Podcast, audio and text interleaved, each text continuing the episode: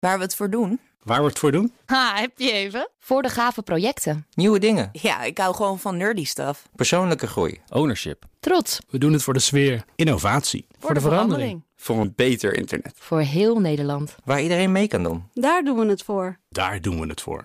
Waar doe jij het voor? Kom werken voor KPN en groei op jouw manier. Check de actuele vacatures op het gebied van data, security, development en networking op jobs.kpn.com/tech. BNR Digitaal wordt mede mogelijk gemaakt door SecureLink. SecureLink. Safely enabling business. BNR Nieuwsradio. BNR Digitaal. Herbert Blankenstein. iPhones en Apple Watches hebben ze al. Chips gemaakt door Apple zelf. Maar vanaf 2020 wil het bedrijf ook eigen chips gaan gebruiken voor de Mac-computers. Om daarmee Intel als chipleverancier opzij te schuiven. Is dat een goed idee? Of kan deze schoenmaker beter bij zijn leest blijven? Ik bespreek het zo met Koen Krijns van Hardware Info. Mijn backup is vandaag Michiel Steltman van de Stichting Digitale Infrastructuur Nederland. En we beginnen met technieuws. Daarvoor is inmiddels binnengekomen Ivan Verrips. Ivan, hoi. Mark Zuckerberg van Facebook is een groot voorstander van de GDPR, de nieuwe Europese privacyverordening, maar alleen voor Europa. Ja, wij zijn hier al een beetje een tijdje in de band van die GDPR. En dat Ja. heeft ook gevolgen voor techbedrijven in de VS, want die moeten hun diensten in Europa daarop aanpassen. Ehm, en eigenlijk hoor je die Amerikaanse bedrijven er nu pas over. En ook Amerikaanse podcasts, die doen alsof ze dit ontdekt hebben. Maar ja, dit weten wij natuurlijk al lang. En wat blijkt nu? Mark Zuckerberg die is op zich wel fan van die GDPR. ehm, waarbij wij dus meer te zeggen krijgen over onze data. Maar hij is er nou ook weer niet zo'n groot fan van dat hij het wereldwijd gaat uitrollen. Je zou kunnen zeggen, stel het als een voorbeeld ook voor eh, nou, landen buiten Europa. Ja. Hij gaat wel onderdelen van die GDPR naar heel Facebook internationaal brengen, maar niet het hele pakket. En dat heeft dan te maken met transparantie en gegevensbeperking en bewaarbeperking. Dus sommige dingen neemt hij mee, andere niet. Hij is niet helemaal duidelijk over wat nou precies wel wordt geïmplementeerd en wat niet. Ik snap trouwens wel waarom hij het niet allemaal doet. Want eh, het gaat natuurlijk eh, omzetkosten voor hem. Want ja, hij moet ehm, heel erg op gaan letten met data dan. De data van jou en van mij. eh, en wat hij daarmee mag en kan doen. Dus nou, dat gaat hij dus deels maar implementeren op het internationale Facebook. En bijvoorbeeld Apple, die heeft al wel gezegd dat zij die GDPR voor iedereen gaan toepassen. Maar voor hen is het natuurlijk een stuk makkelijker, want zij verkopen geen data. En Ja. dat is bij Facebook voor, wel de voor business. Facebook is het eh, natuurlijk wel ingewikkeld dat je dan voor verschillende klanten voor, eh, verschillende ehm, eh, regels moet gaan hanteren. Ja, maar dat geldt natuurlijk al langer. Van, ja, als je actief wil zijn in een land, dan moet je Ja, eh, je voldoen aan de regels. En dat is dus dit een nieuw pakket met regels. Op zoek naar security, cybersecurity talent, denk dan eens aan een gamer. Ja, het onderzoek van McAfee blijkt namelijk dat zij wel eens de toekomst kunnen zijn voor die sector. En dat is iets wat gamers denk ik zelf al wel wisten, want zij lopen best vaak voorop in van alles en nog wat. Maar de Ja. buitenwereld ziet dat misschien toch nog als, eh, nou ja, wat eh, jongens en meisjes die geen zin hebben om te studeren en daar maar op zolder gaan gamen, bij wijze van spreken. ik doe maar even het clichébeeld. Hè. Het rapport van McAfee laat zien dat eh, ja, zij die zijn opgegroeid met online games, dus met competitie, hè, dat die perfect zijn voor die business. Het gaat dan om logisch nadenken, doorzettingsvermogen, maar ook hoe benader je een tegenstander. En eigenlijk is cybersecurity ook een soort kat-en-muisspel, zou je misschien kunnen zeggen. En ehm, dat onderzoek is gedaan onder allerlei managers en deskundigen in de beveiligingswereld. En zij zeggen: ja, gamers, goed idee. Ik zou ze wel aannemen. En aangezien de dreigingen toenemen en talent schaars is, is dit misschien wel het moment om die business in te gaan. Dus mocht je nog kinderen of kleinkinderen hebben en denken: wat moet het ervan worden? Die zitten alleen maar te gamen. Breng ze op een idee. Cybersecurity. Ja, Dat is iets van, prachtig. hè. Dat is iets van alle tijden. Vroeger zeiden we gamers, dat is heel goed voor de oog-handcoördinatie. Toen dachten we dat al onze kinderen piloot zouden worden. en nu, nou, het blijkt dus tijdloos te zijn. Hè. Door de, door de eh, jaren heen eh, is gamen gewoon goed voor allerlei beroepen en allerlei vorming. Blijven doen. Dus over 30 jaar zitten ze allemaal in de cybersecurity. Ja, vast niet. Ivan Verrips, dankjewel. BNR Nieuwsradio. BNR Digitaal. Apple doet het al voor de iPhones en Apple Watches. En ze gaan het binnenkort ook doen voor de desktop- en laptopcomputers. Eigen chips maken. Volgens Bloomberg zou Apple de chips van Intel per 2020 aan de kant schuiven. Ten faveur van de eigen fabrikaten. Ga ik over praten met Koen Krijns, hoofdredacteur van Hardware Info. Hoi Koen. Goedemiddag. Ehm, waarom wil Apple dit? Is er iets mis met de processors van Intel? Nou, laten we vooropstellen, je zei het al, maar het is echt een gerucht. Het komt van Bloomberg. Apple zelf heeft hier dus nog helemaal niks over gezegd. Maar we kunnen wel redenen bedenken waarom ze het zouden willen. Nou, in eerste instantie is als je de chips natuurlijk zelf maakt en zelf, zelf ontwerpt en niet bij Intel hoeft te kopen, heeft dat natuurlijk eh, voordelen aan de kostprijs. Gewoon een groot gedeelte van wat jij verdient met je laptop kun je in eigen zak steken. Ja. Je zou ook nog kunnen zeggen, Apple wordt minder afhankelijk van Intel. Want nu eigenlijk kunnen ze pas een nieuwe generatie laptops op de markt brengen. Als Intel een nieuwe generatie processors heeft. die op het precies hetzelfde moment ook beschikbaar is voor alle concurrenten van Apple. Dus ja, dat is waar. Maar er staat tegenover dat je dan ook de zorg hebt voor telkens weer die chips up-to-date houden. Dat klopt.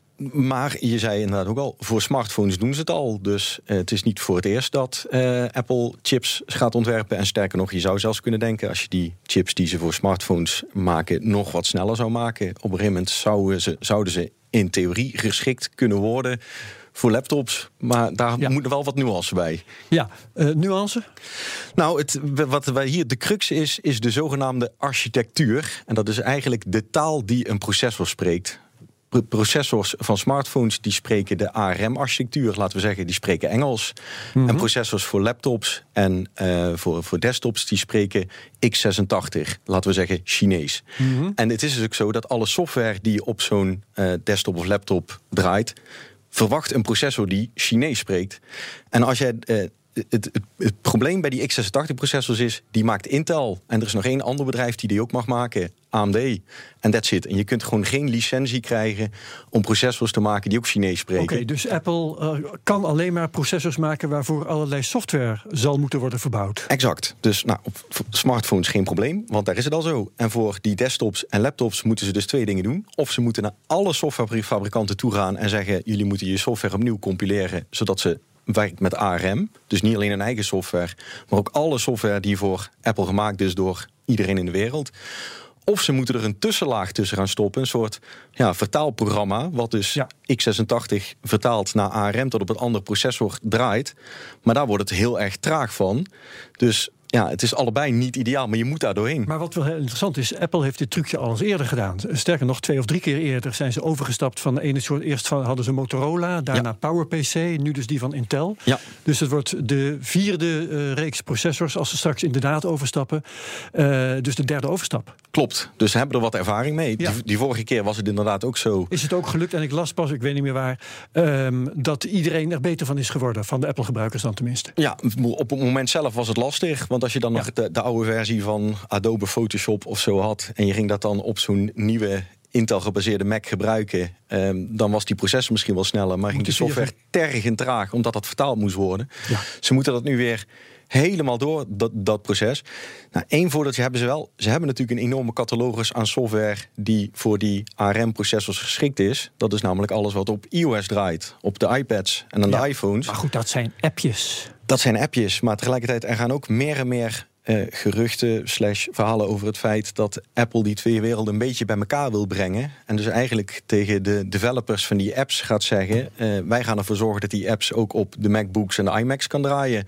Als jullie ervoor zorgen dat ze ook handig in gebruik zijn met een muis en een toetsenbord. Dat is allemaal veel makkelijker gezegd dan gedaan, want je moet Ja. eigenlijk de hele werking van de app opnieuw gaan bedenken. Wanneer daar, daar eh, Microsoft dat al geprobeerd heeft, dat is grandioos mislukt.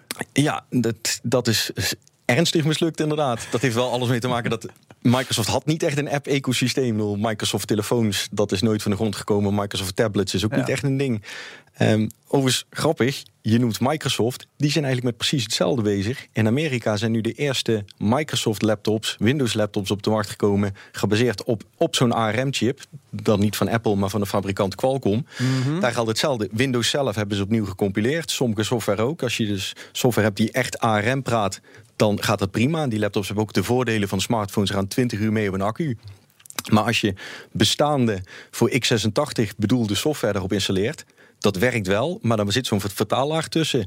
Ja, en dan is zo'n laptop ja, eh, een beetje trage Celeron-snelheid. Echt gewoon niet vooruit te branden. Ik, ik, ik herinner me ook die discussie over de architectuur van chips. Hè. Je had dus complexe eh, instructies, hè. Hele, weinig instructies die, eh, die heel snel zijn. Of hele complexe instructies, hè, waardoor je weinig instructies nodig hebt. Nou, Ja. dat is een architectuurdiscussie.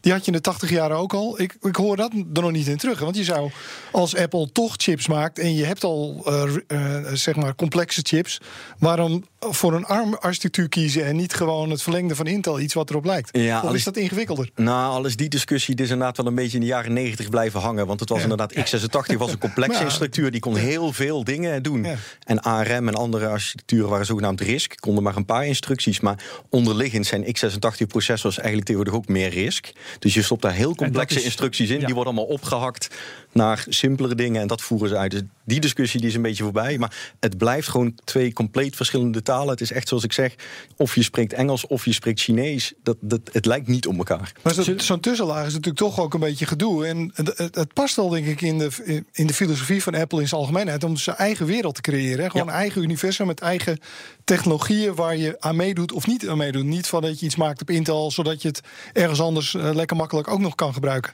Dat klopt. En van de ene kant kun je zeggen... Apple-gebruikers zijn ook heel erg volgzaam. Als Apple zegt van we bedenken wat nieuws... Uh, al is het bedenken ze een nieuw stekkertje... dan zegt de Apple-liefhebber van oké, we gaan mee.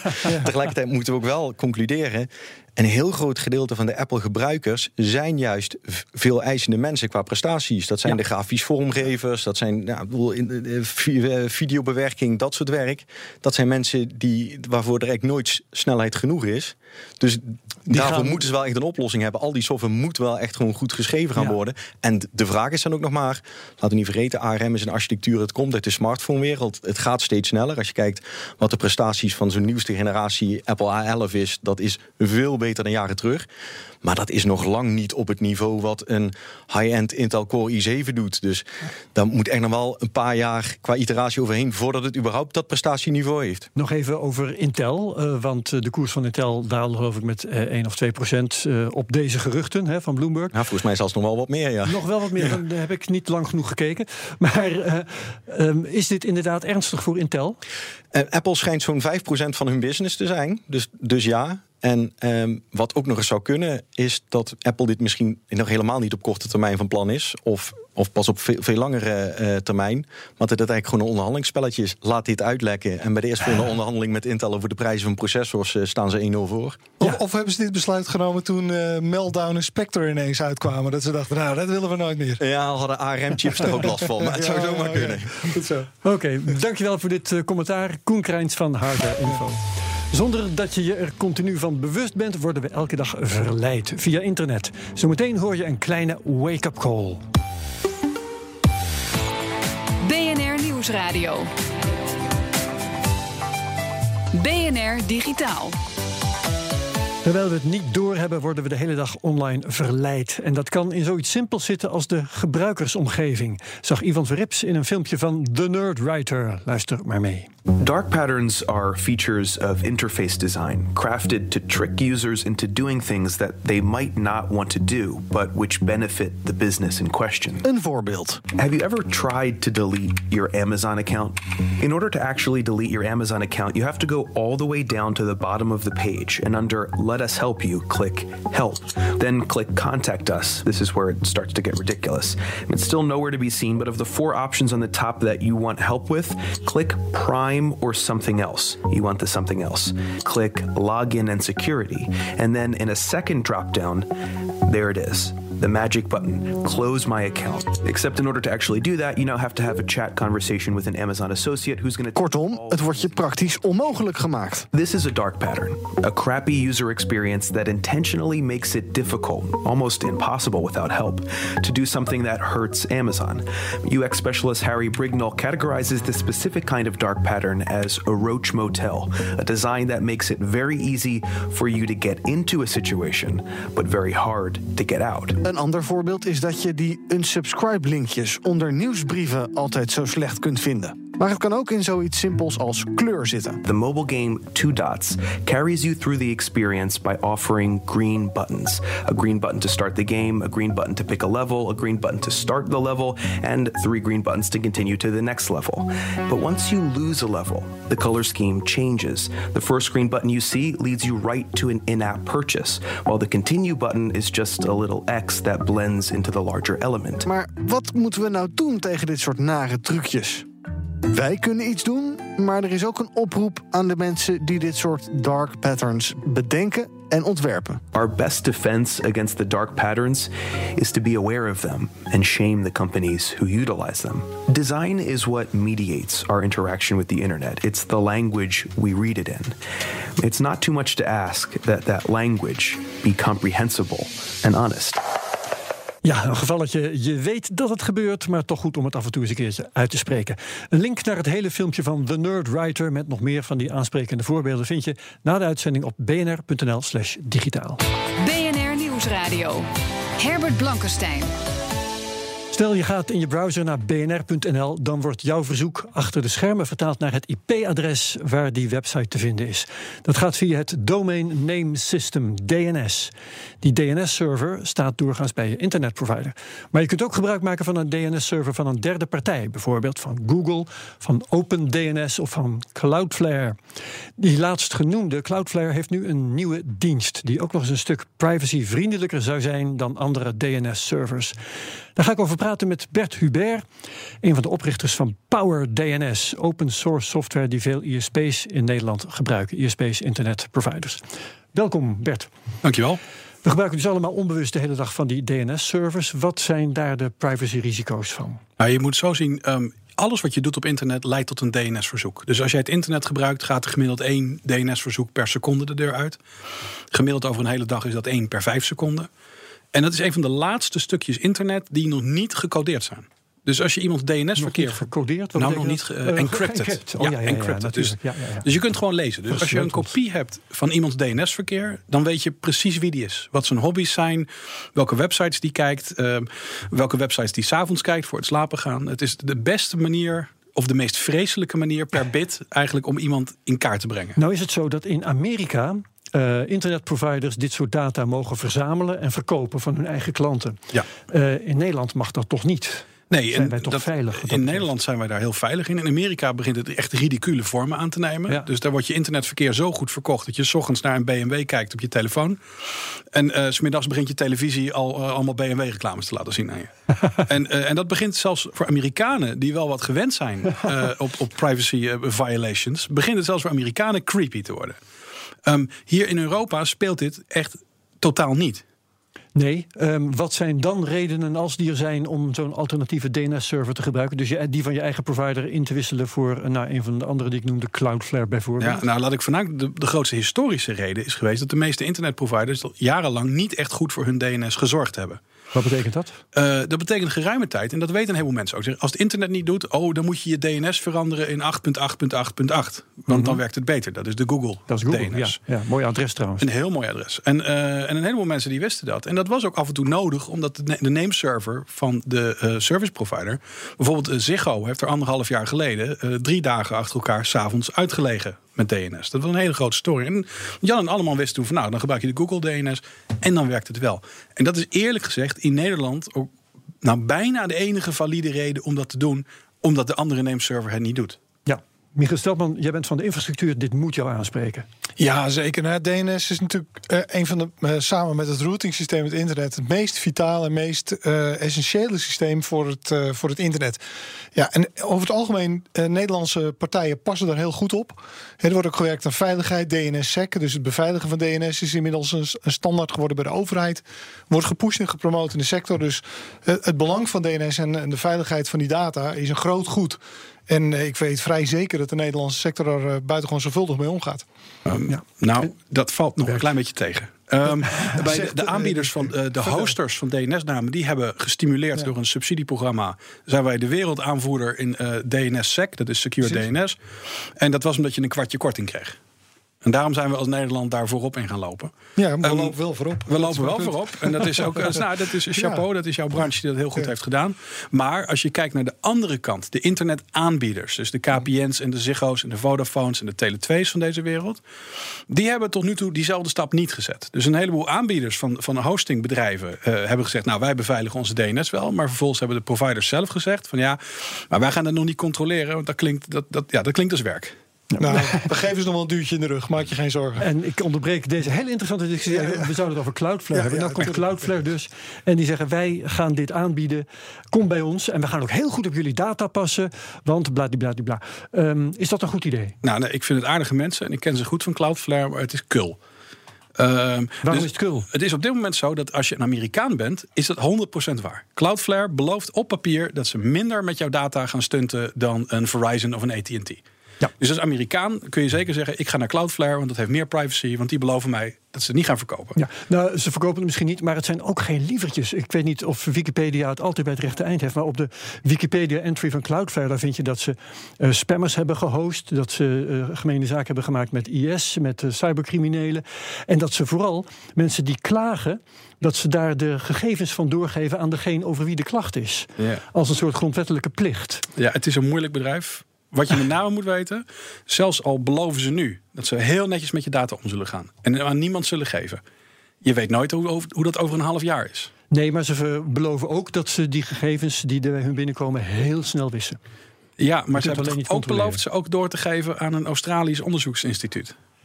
En, ja. en dat hebben ze bij begin af aan al gezegd. Ze hebben dat hele mooie. Is het verhaal. Ja, ze hebben dat hele mooie 1.1.1.1 IP-adres gekregen. Nog mooier dan dat van Google, jawel. Nog mooier. Ja. Uh, dat, dat, hebben ze in bruikleen van dat Australische bedrijf. Ja, dat hè, hebben ze in bruikleen ja. van een Australisch instituut. Maar dat Australisch instituut vertegenwoordigt het hele internet van Azië. En uh, vertegenwoordigt ook het internet van China, om maar voorbeeld te noemen. Dus op een dag kan daar zomaar uh, een Chinese directeur zitten... die een heel ander gevoel heeft bij privacy dan de Australiër die er nu zit. Dus waar dat heen gaat, dat weet je niet. Ja. Maar Cloudflare heeft natuurlijk ook volgens mij een commercieel belang. Ik bedoel, zij hebben overal content staan in de wereld. En als je exact kunt voorspellen hoe mensen surfen en wat ze met die. Uh, naar welke sites ze bezoeken en wanneer. en daar patronen uithaalt, weet je ook een beetje waar je zo goedkoop mogelijk je content in moet zetten en waar niet. Dat lijkt mij gewoon heel handig. We hebben, daar, we hebben daar lang en breed over na zitten denken. Ja. Wij denken eerder dat soms is het gevoel dat zoveel mogelijk van het internet door jouw servers heen loopt is een soort zijn eigen rechtvaardiging om het te doen. Want wij denken dat het, het competitief voordeel wat je hier uithaalt... Um, weinig opweegt tegen de toch miljoenen investering... die ook een bedrijf als Cloudflare moet doen... om dit wereldwijd snel en betrouwbaar aan te bieden. Dus, Welke DNS-server gebruik jij, Bert Hubert? Nou, ik gebruik mijn eigen DNS-server, want ik heb mezelf ah. één geprogrammeerd. Dus ik draai mijn eigen Power DNS-server thuis. Uh, maar ik gebruik ook met liefde de nameservers van de Nederlandse internetproviders. Want ik want weet ook wat die draaien. Die zijn bona fide en die draaien ook uitstekende ja. software. En welke gebruik jij, Michiel Steltman? Gewoon uh, thuis die van Ziggo. En als ik op pad ben, gebruik ik altijd de VPN. En uh, in de VPN-configuratie heb ik die van Google gezet. Virtual Private Network voor de veiligheid enzovoort. Ja. Ja. Ja, ja, uh, een eigen DNS-server draaien, raad jij dat uh, gebruikers thuis aan? Nou, eigenlijk niet, want het, het, effect op je internetsnelheid is toch behoorlijk. De uh, DNS-server van je provider, die weet al lang het IP-adres van bnr.nl. Die hoeft dat niet nog een keer op te zoeken. Um, daarentegen jouw server thuis, die hoeft maar één of twee keer per dag krijgt die vraag over bnr.nl. En die moet het echt gaan opzoeken en is daar dan zo'n ah, halve seconde mee bezig. Dus je kunt het zelf doen, het is heel makkelijk. Je kunt unbound.net bijvoorbeeld, die hebben een Windows die kun je gewoon downloaden. Super mooi. Maar het eerste wat je zult merken is dat je denkt van goh, mijn internet is toch wel wat trager geworden nu. Oké. Okay. Nou, dankjewel voor de nuttige adviezen, Bert Hubert van Power DNS. Tot zover BNR Digitaal voor nu. Michiel Steltman was mijn backup. Ook hartelijk dank. En eerst nog even nieuws over de wereld van het cryptogeld. Als John McAfee twittert over cryptocoins, dan doet hij dat voor geld, voor veel geld. Als jij wilt dat hij twittert over jouw coin, dan kost dat 105.000 dollar voor één tweet. McAfee was ooit uitvinder van antivirussoftware en is nu Bitcoin-ondernemer. Hij stelt dat hij met 800.000 volgers de koers van jouw coin met 50 tot 350 procent omhoog kan jagen. Volgens McAfee wijst hij 90 procent van de verzoeken af en twittert hij alleen over coins waar hij echt zelf achter staat. McAfee is verder bekend van de voorspelling dat de bitcoin eind 2020 een miljoen waard zal zijn. Gebeurt dat niet, dan eet hij zijn geslachtsdeel op. Op televisie. Heus waar. Diverse sites houden bij of de bitcoin wat dat betreft op koers ligt. En de munt zou daarvoor gemiddeld een half procent per dag in koers moeten stijgen. Tenminste, het is echt waar dat hij dat heeft gezegd. Sinds een paar dagen ligt de bitcoin voor het eerst achter op die voorspelling. Heel graag tot volgende week. BNR Digitaal wordt mede mogelijk gemaakt door SecureLink. SecureLink. Safely enabling business. Bij BNR ben je altijd als eerste op de hoogte van het laatste nieuws. Luister dagelijks live via internet. Bas van Werven. En heel langzaam komt de zon op rond dit tijdstip. Je krijgt inzicht in de dag die komt op BNR, het Binnenhof in Nederland en de rest van de wereld. De Ochtendspits. Voor de beste start van je werkdag. Blijf scherp en mis niets.